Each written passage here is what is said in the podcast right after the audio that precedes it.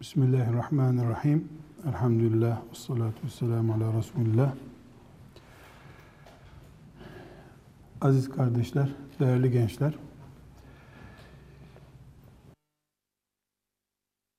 Genç. Genç'i da konuşmak gerekiyor. Arş dünya ve evren literatürü dışındaki bir kavramdır. Halikimiz ve razıkımız olan Allah'ımızın kendisi için tanıt adı arştır. Allah oradadır tarzında değil, Allah'ın bize kendisi için bulunduğu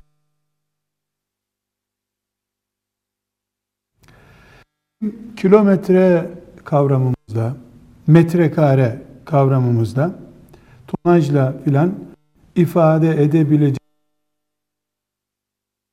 kelimesi.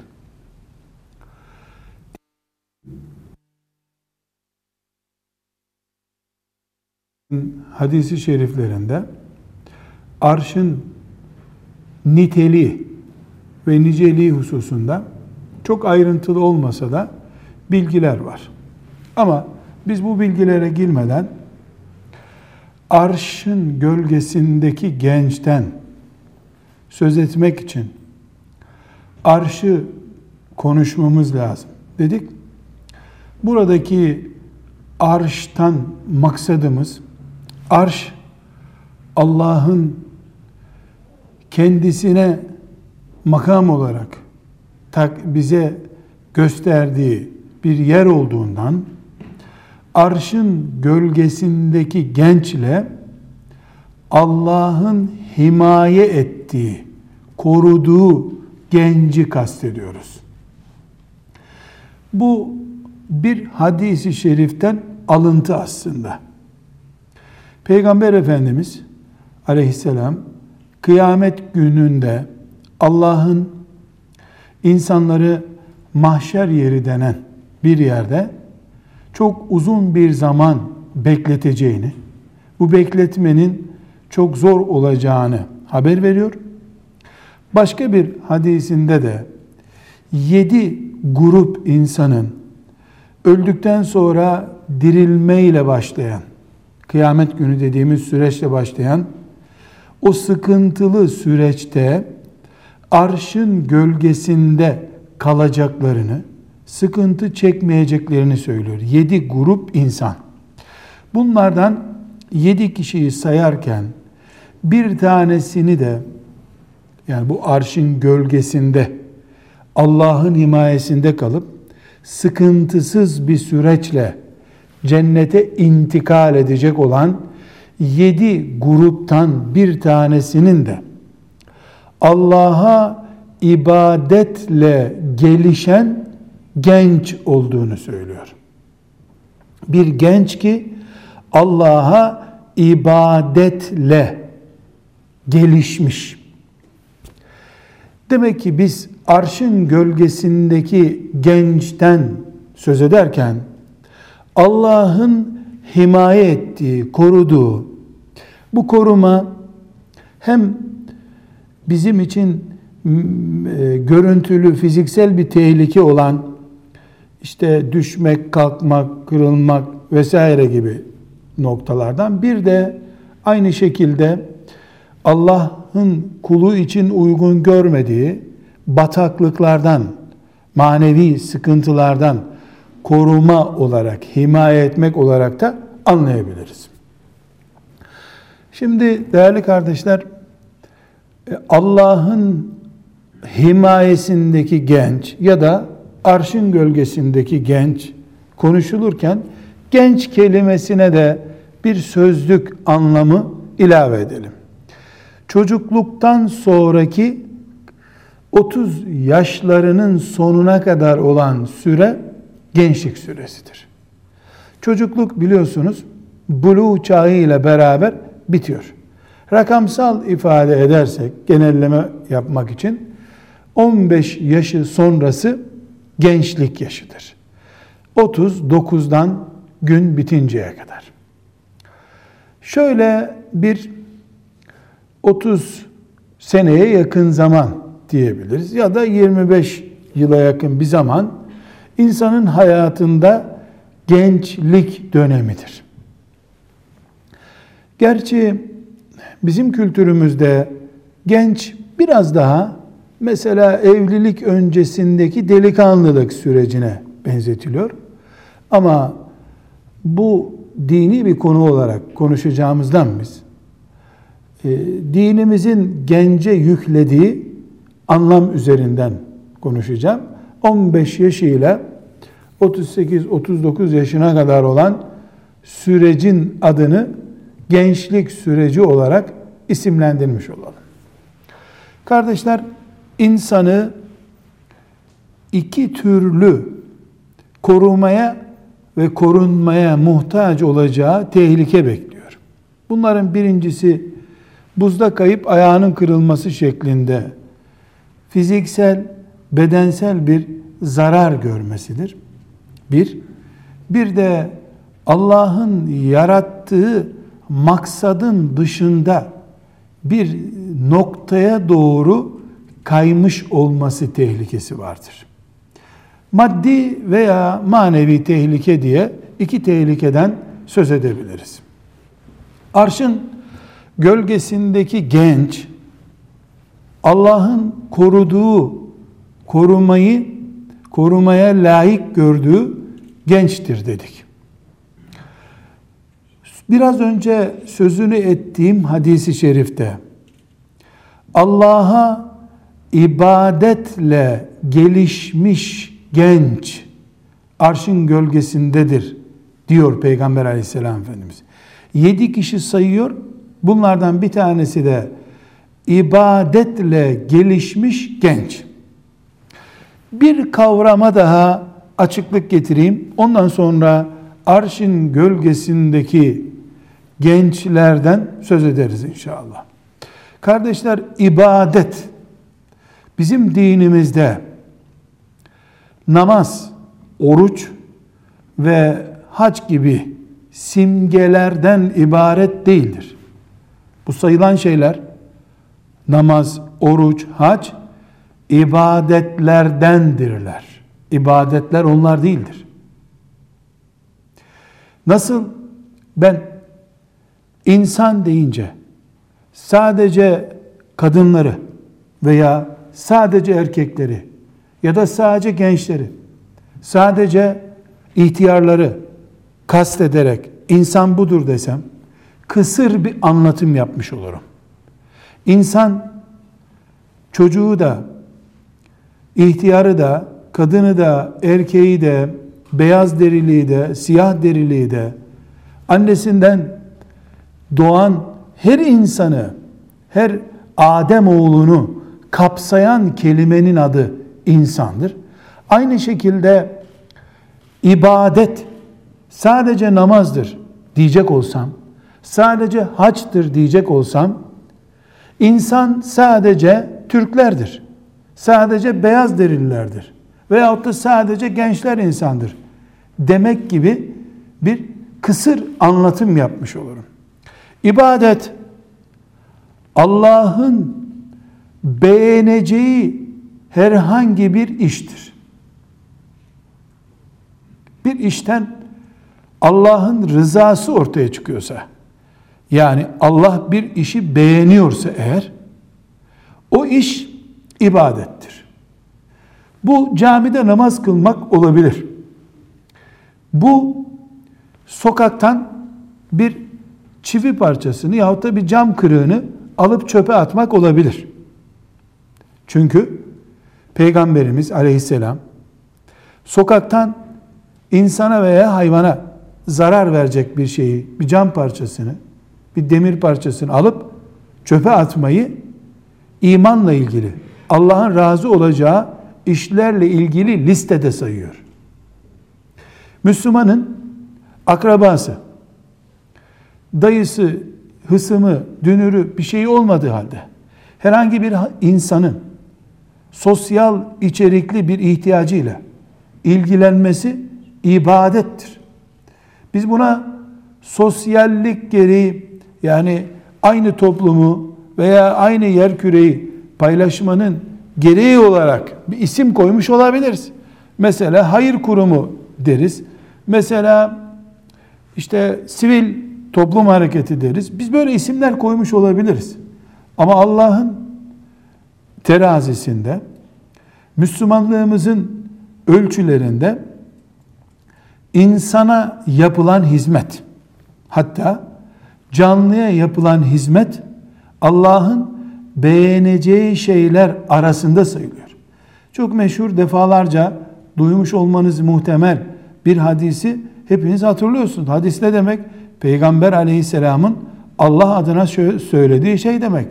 Bir köpek susuz kalmış, birisi de kendi köpeği olmadığı halde bir tas su vermiş. Hayvanın susuzluğunu gidermiş. Bu Allah'ın memnun olduğu iş olarak sayılmış. Çünkü Allah evet namaz kılın demiştir. Evet oruç tutun demiştir. Evet hac yapın demiştir. Ama başka şeyler de demiştir. Müslümanlık insanlığa kalite getirmenin adıdır. Müslümanlık sadece namaz değildir.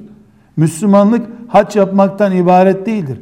Belki 80 sene hac yapmaya vakit bulamamanın adı da Müslümanlıktır. Örnek olarak bir Müslüman çok acil ağır hasta olan bir annesini, mesela yatalak bir annesini yatağında yoğun bakımda veya bakıma muhtaç pozisyonda bırakıp hacca gitmesi yani Müslümanlar için beş büyük esastan biri olarak kabul ettiğimiz hacca gitmesi mümkün müdür? E mümkündür tabi. Uçak biletine bağlı bu. Bir de vizeye bağlı. Allah için bu hac mıdır ama değildir. Çünkü neden?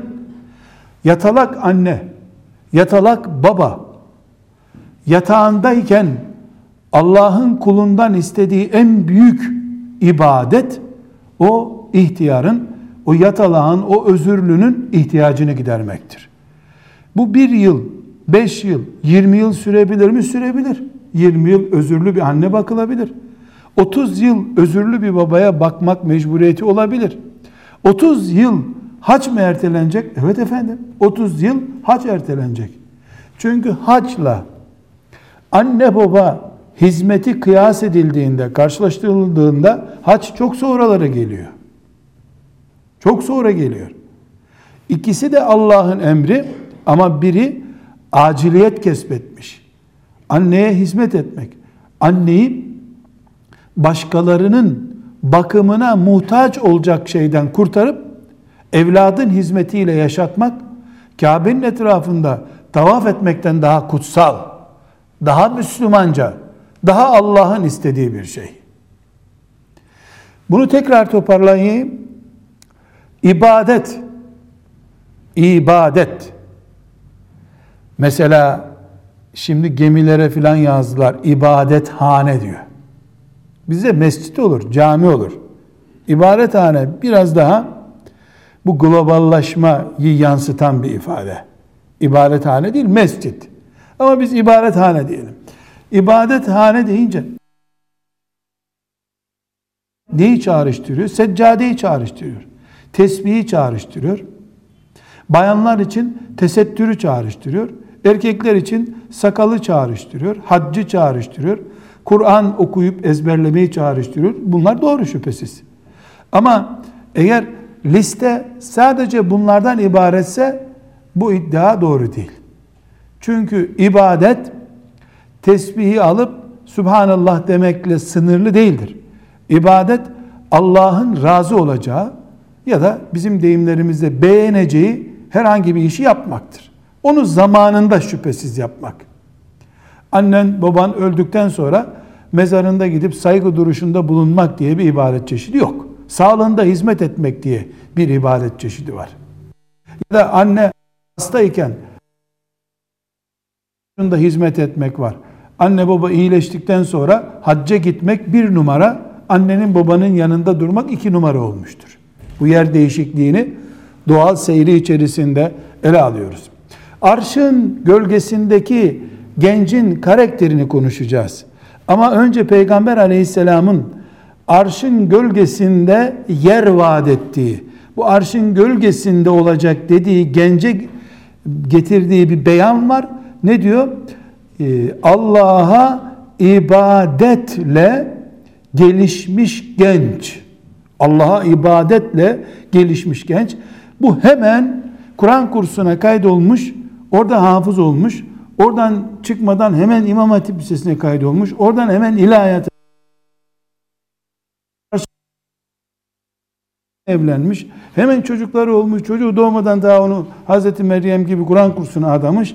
Böyle kast ediliyorsa çok köhne, çok dar, dünyayı yok sayan bir e, ibadet anlayışı sergilemiş oluyoruz ki bu bu İslam değil.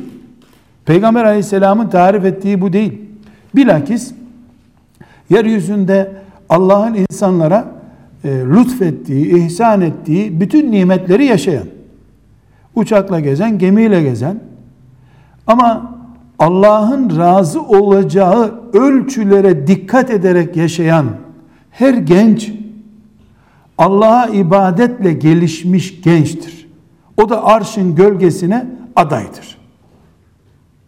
Şimdi bu anlatımlardan sonra kardeşler uzun e, ayrıntılara girip e, zihnimizi kurcalamadan başlıklar halinde 21. asırda teknoloji ve uzay çağında arşın gölgesindeki genç olmanın şartlarından söz etmek istiyorum.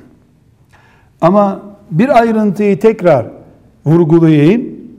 Peygamber aleyhisselam efendimiz arşın gölgesinde olacak gence bir cümlelik beyan getirdiğinde onun Allah'a ibadetle gelişmiş genç. Şabun neşfi ibadetillah. Allah'a ibadetle gelişmiş deli. Bu e, adayıdır. Arşın gölgesinde yeri olan VIP misafiri bu. Bunun bu listenin diğer altı tanesi çok güçlü isimler. İşte halkına adaletle muamele yapan lider. İşte malını infak ederken sağ elinin verdiği sol eli tarafından bilinmeyecek kadar Allah için verip insanlara sezdirmeyen gibi şartlar var.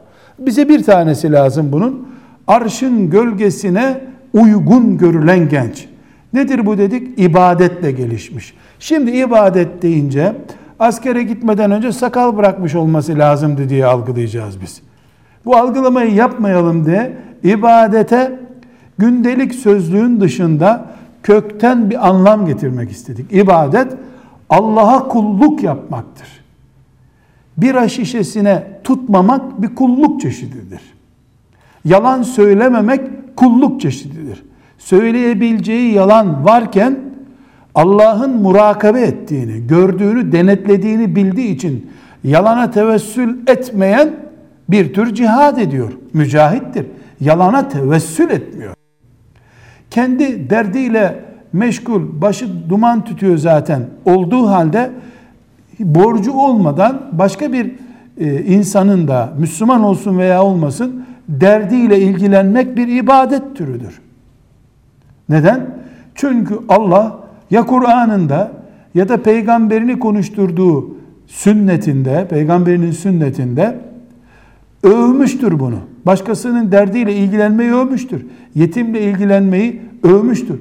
Temizliği övmüştür. Sosyal olmayı, insanlara açık yürekli birisi olmayı övmüştür Allah. Bu övgü Allah'ın memnun olacağını gösteriyor. Sabah namazına kalkmaktan memnun olacağı gibi herhangi bir sosyal faaliyetten de zıt, ters uygulamalardan birisi olmadığı sürece mesela internet üzerinden dünya gençlerini buluşturmaya dair bir site kuruyorsun sen.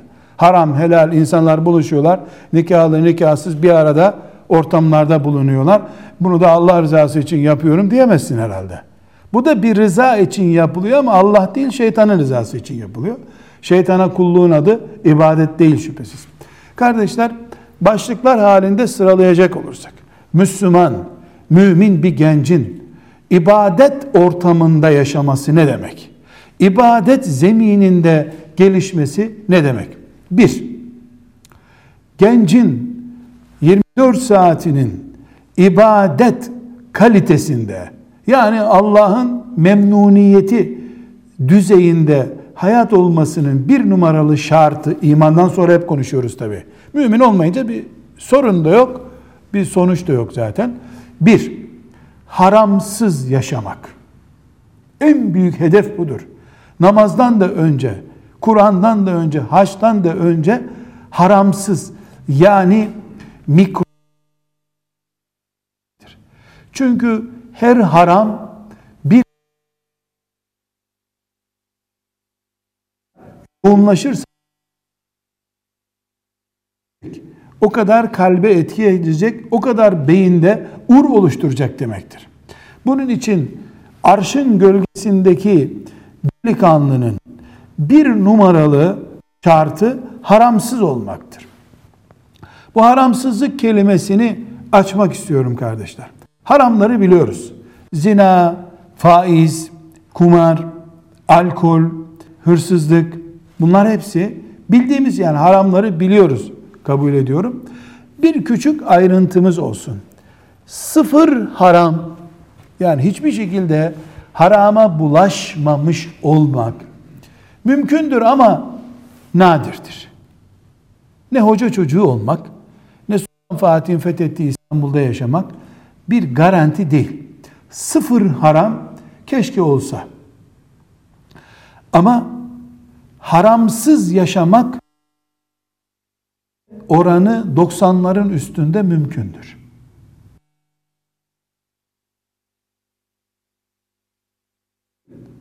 Yani hiç haram işlememiş. Harama hiç tutmamış.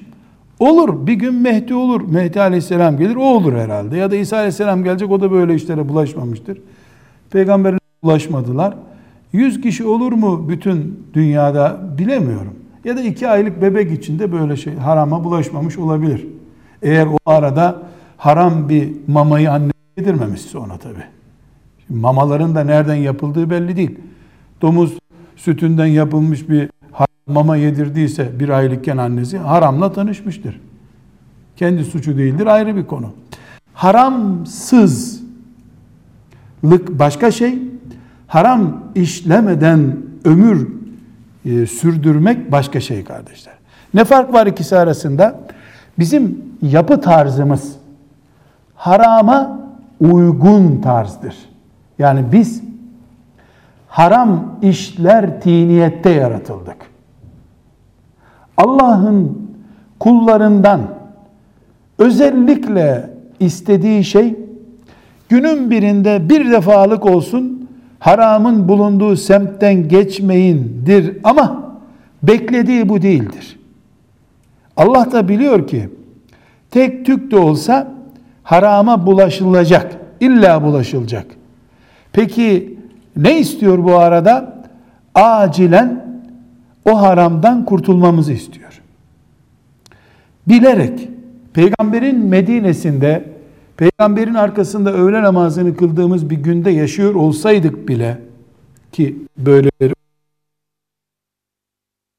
olsa bile haram mümkündü. Alkol mümkündü, zina mümkündü. Oldu nitekim Medine'de bu. Hırsızlık da oldu. Ama bir farkla. Onu insanlar asla benimsemediler. Bir afet, bir baskın olarak bunu gördüler. Kalp krizi gibi gördüler. İlk krizle beraber doktora koştuğu gibi insanın ilk haram şokuyla beraber tövbeye koşması halinde Müslümanın hiçbir sıkıntı kalmayacak. O zaman biz haramlarla kaynaşma şart koşuyoruz.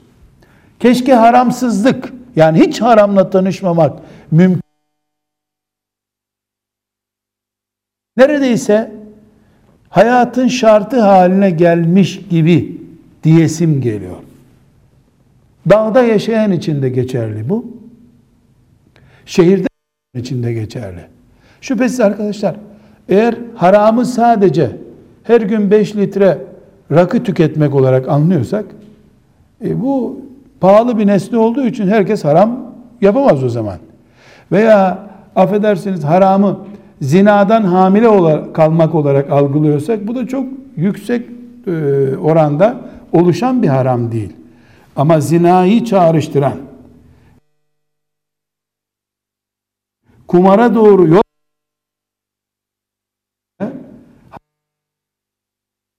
çok zor. Ama haramlarla iç içe barışık yaşamak da enayilik. Neden? Çünkü en ağır haramından orta boylusuna kadar, küçük haramlara kadar bütün haramlar samimi bir vazgeçmeyle, tövbe ile yok hale gelebilmektedir. Yüz haram bile ben bıraktım ya Rabbi sözüyle beraber bitmiş oluyor. 500 haram, 1000 haram, saat başı haram işlemiş olsa birisi 10 sene sonra ben bıraktım ya Rabbi sözünü samimi söylüyorsa bu söz Allah katında e, bütün geçmişi kapatıyor.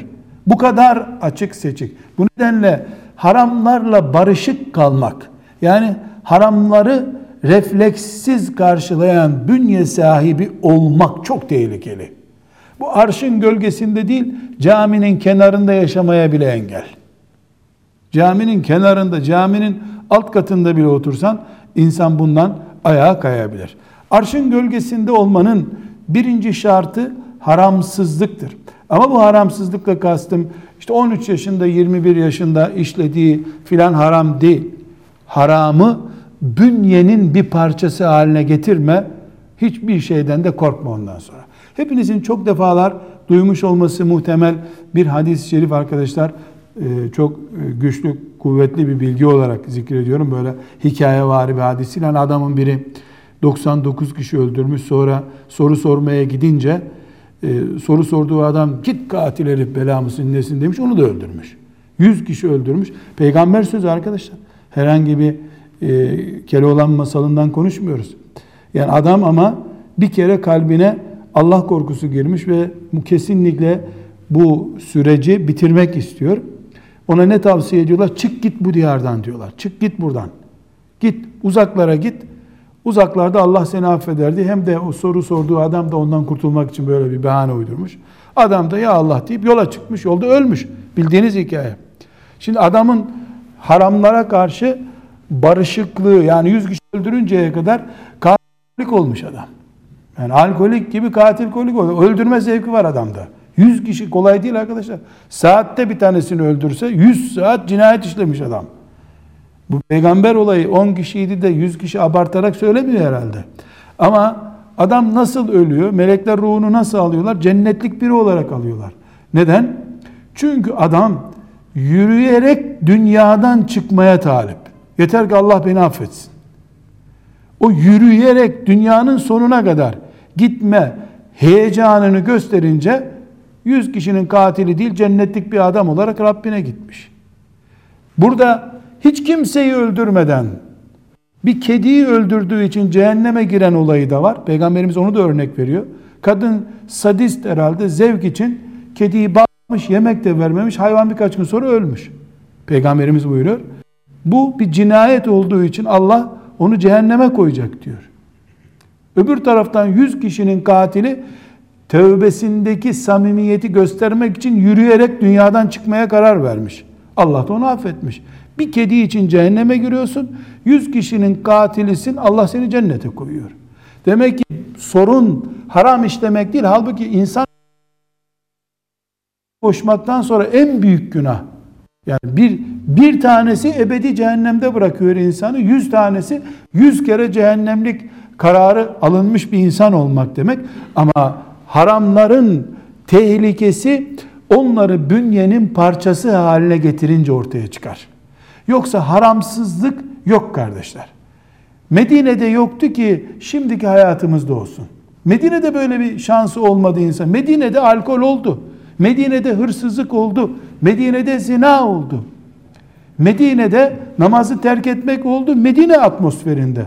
Bu internet dünyasında herhalde doğal gibi göreceğimiz olaylar bunlar.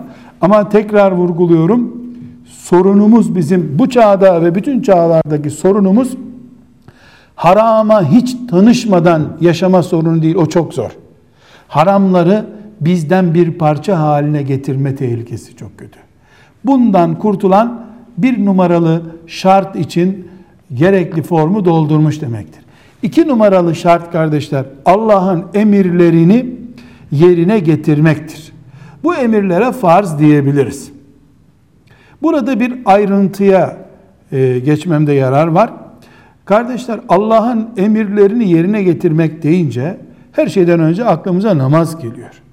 Ama bu ayrıntım çok önemli. Ben bir defa Allah'a ibadeti namazın dışında da bazı maddelerle birleştirdim. Allah'ın razı olacağı şeyler dedim. Dolayısıyla Allah'ın emirlerin nedir? Kur'an'da açtığın zaman namazdan söz ediyor Allah. Doğru. Ama Allah'ın hükmü şudur. Allah'tan başkasına kulluk yapma. Ananın babanın yanında hizmetçi ol diyor Kur'an. Anneye babaya hizmet de. Yani ana baba duası almak da Allah'ın emirlerinden biri. Bir tarikata girip sabaha kadar tesbih çekmek Allah'ın emirlerinden biri değil. Senin geliştirdiğin kalite mücadelelerinden birisi o. Ve insanı kurtaramayabilir. Allah'ın açık emirleri var. Nedir o? Cihattır mesela.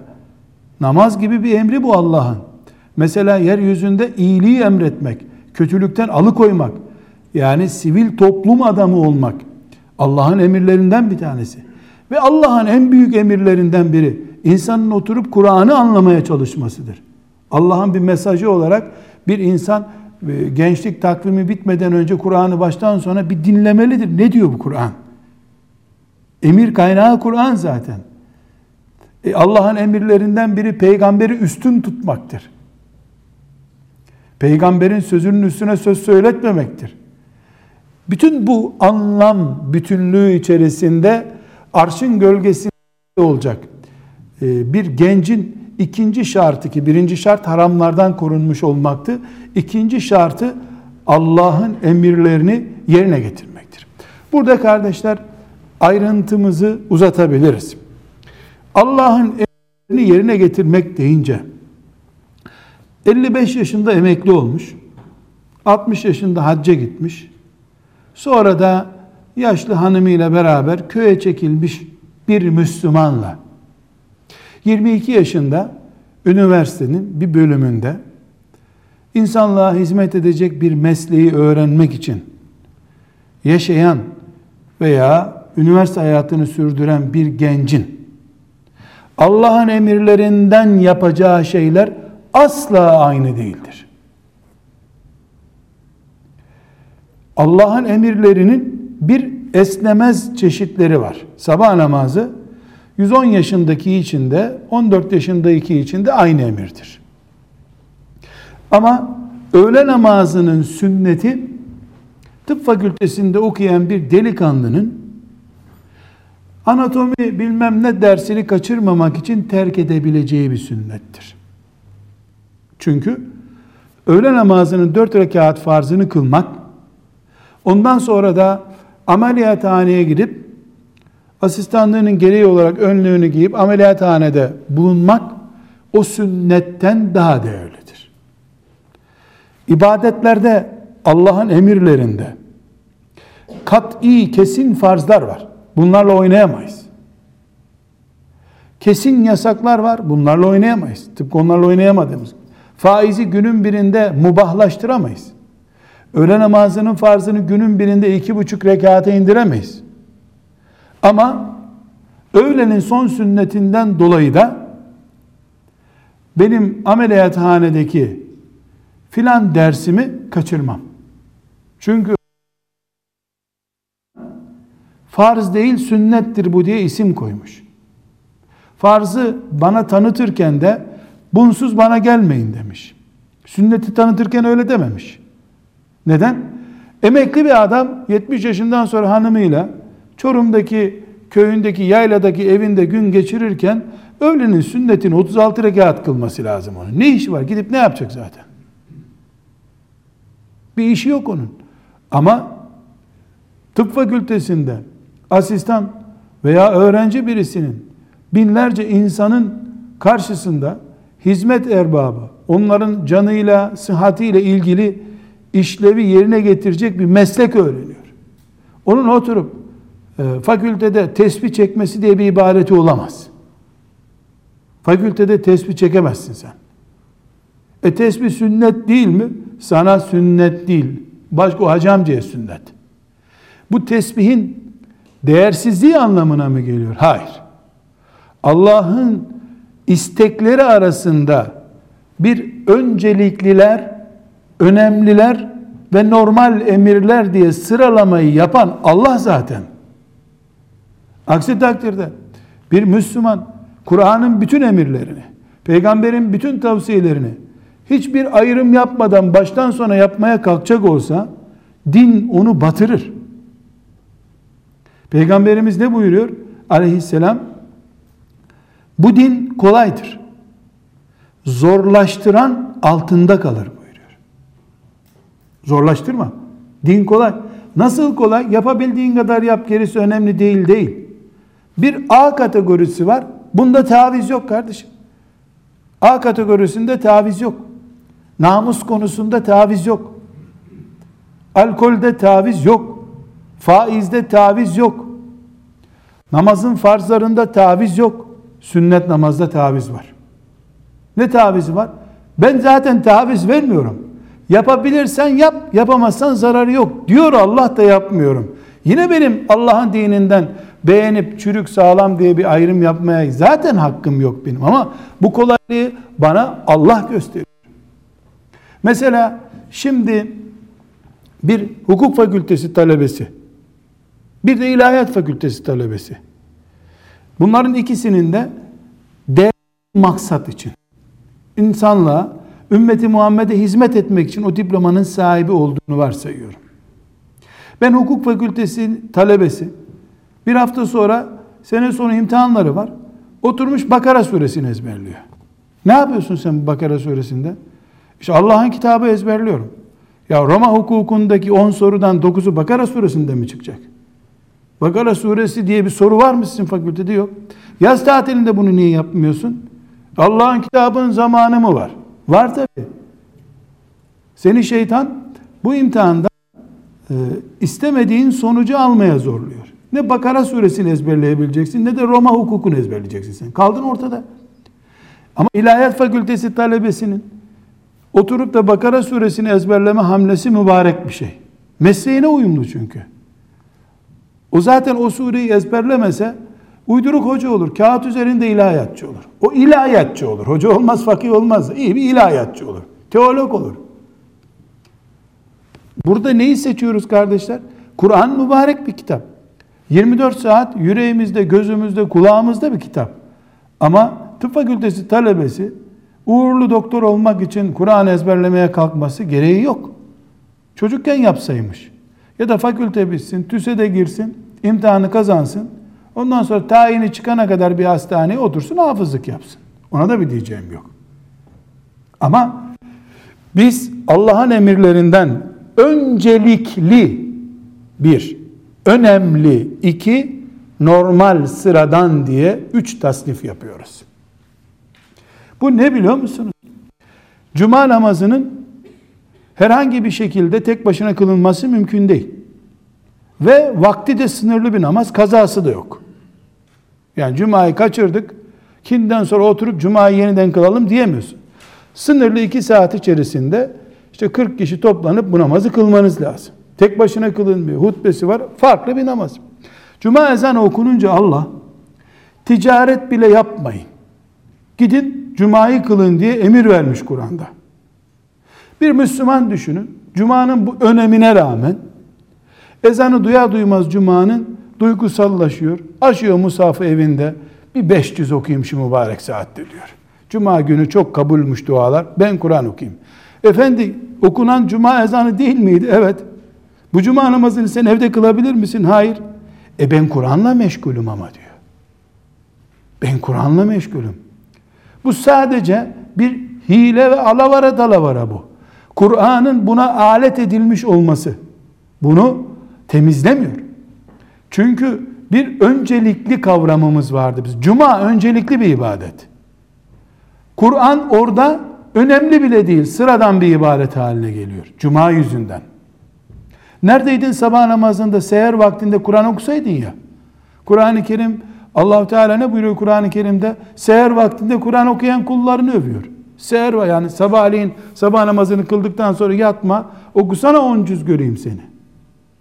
O zaman Kur'an öncelikli ibaret olacak şimdi.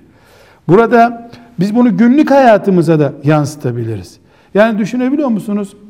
Bir şehirde yaşıyorsun. O şehirde insanlar imansızlık üzerine yarışıyorlar. Allah nedir? Peygamber nedir? Böyle bir dertleri yok insanların. Sen Kur'an okuyorsun. Nedir o diyorlar. İncil'i Kur'an gibi görüyorlar. Muharref İncil'le Allah'ın kitabı Kur'an'ı denk görüyor. Sen orada insanların sakal bırakması için mücadele ediyorsun. Aman sakalsız gitmeyin sünnete aykırı bu. Ya imansız sakal bıraksa ne olur? Saçı uzasa ne olur? Ee, kuyruğu olsa ne olacak? İmansız bu. Hiçbir zaman başörtüsü iffet kadar yani bir kadının namusu kadar değerli olamaz ki. Namusun tehlikeye girdiği bir yerde başörtüsü beyaz olmamalı, dikkat çekiyor, siyah olsun. Bunun altı yok ki kafasının üstünü bir renkli örtüyorsun sen. Yani müminin Allah'ın emirlerine itaatte, ibadet kavramını yakalayışında bir öncelikler listesi var. Onun peşinden önemliler listesi var. Onun peşinden de normal Allah'ın emirleri var. Bu her gün kıvam değiştirebilir. Mesela yolculukta bir Müslüman e, peygamberin sünnetinden hiç şaşmamaya yemin etmiş. Ondan sonra da oturmuş tesbihatıyla beraber övleyi sünnetleriyle hatta son sünnette dört rekat kılarak böyle mükemmel bir 12 rekatlık öğle namazı çıkarıyor piyasaya. E, bu arada da uçağı kaçırıyor mesela. Ya otobüs onu bırakıp gidiyor. Allah yolunda feda olsun uçak filan. Ve bu kendi kendine avutuyor sadece. Kardeşim senin peygamberin ki sen peşinden gitme iddiasındasın. Hiçbir yolculukta sünnet namazı kılmamış. Maşallah peygamberden de daha takva. Allah nazardan korusun. Peygamberden de takva. Olamaz ki Müslüman. Ama şeytana uyacağı zaman Allah rızası için şeytanın işine yarayacak işlerde yapabilir. Her halükarda kardeşler, arşın gölgesindeki insanın ya da o gölgeye aday olacak insanın mümin olduktan sonra bir numaralı şartı Allah'ın haramlarından uzak durmak, iki numaralı şartı da Allah'ın emirlerini yerine getirmektir. Ama bu emirlere iki bölüm açtım. Bir, namazla filan sınırlama bunu. Anaya babaya itaat, sosyal olmak, Kur'an'ın emri bin maruf dediği, yani iyiliğin yayılması için motorize güç olmak. Nehyanil münker dediği, yani kötülüklere karşı set koyan, tavır koyan Müslüman olmak, Allah'ın namaz gibi emirlerinden bir emirdir.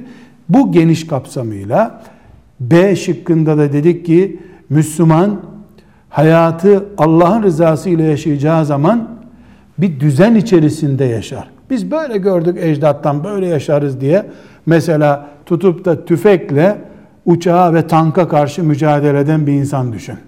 E bizim ecdadımız tüfek kullanırdı. E bu tank kullanmaz, ecdadı kullanmamıştı hiç. Böyle bir şey olur mu? Nasıl silah yenileniyor, teknoloji yenileniyorsa Müslümanın ibadet hayatında da Kur'an ve sünnet ebedi değişmez iki kaynak olarak namazla oynanmaz, faizle oynanmaz standardında ama öncelikli ve önemli kıvamında mümin yaşar. Allah'ın rızasını kazanır ve ödül olarak da gençliğinde bunu becerdiği için gençliğinde bunu becerdiği için ihtiyar bunu yapmak için daha çok şansa sahip. Yapacak başka bir şey yok zaten. Bunu becerdiği için mümin Allah'ın rızasını genç yaşta kazanmanın ödülü olarak da arşın gölgesinin adayı olur Allah'ın izniyle. Umarım sizler gençler olarak biz de gençliğini bitirmiş, ihtiyarlığa yaklaşmış kimseler olarak bu kalitede bir Müslümanlık yaşarız. Allah bize bunu nasip eder diye umuyorum. Bunun için sizlere de dua ediyorum. Sizlerin de duasını kendim için talep ediyorum. Velhamdülillahi Rabbil Alemin.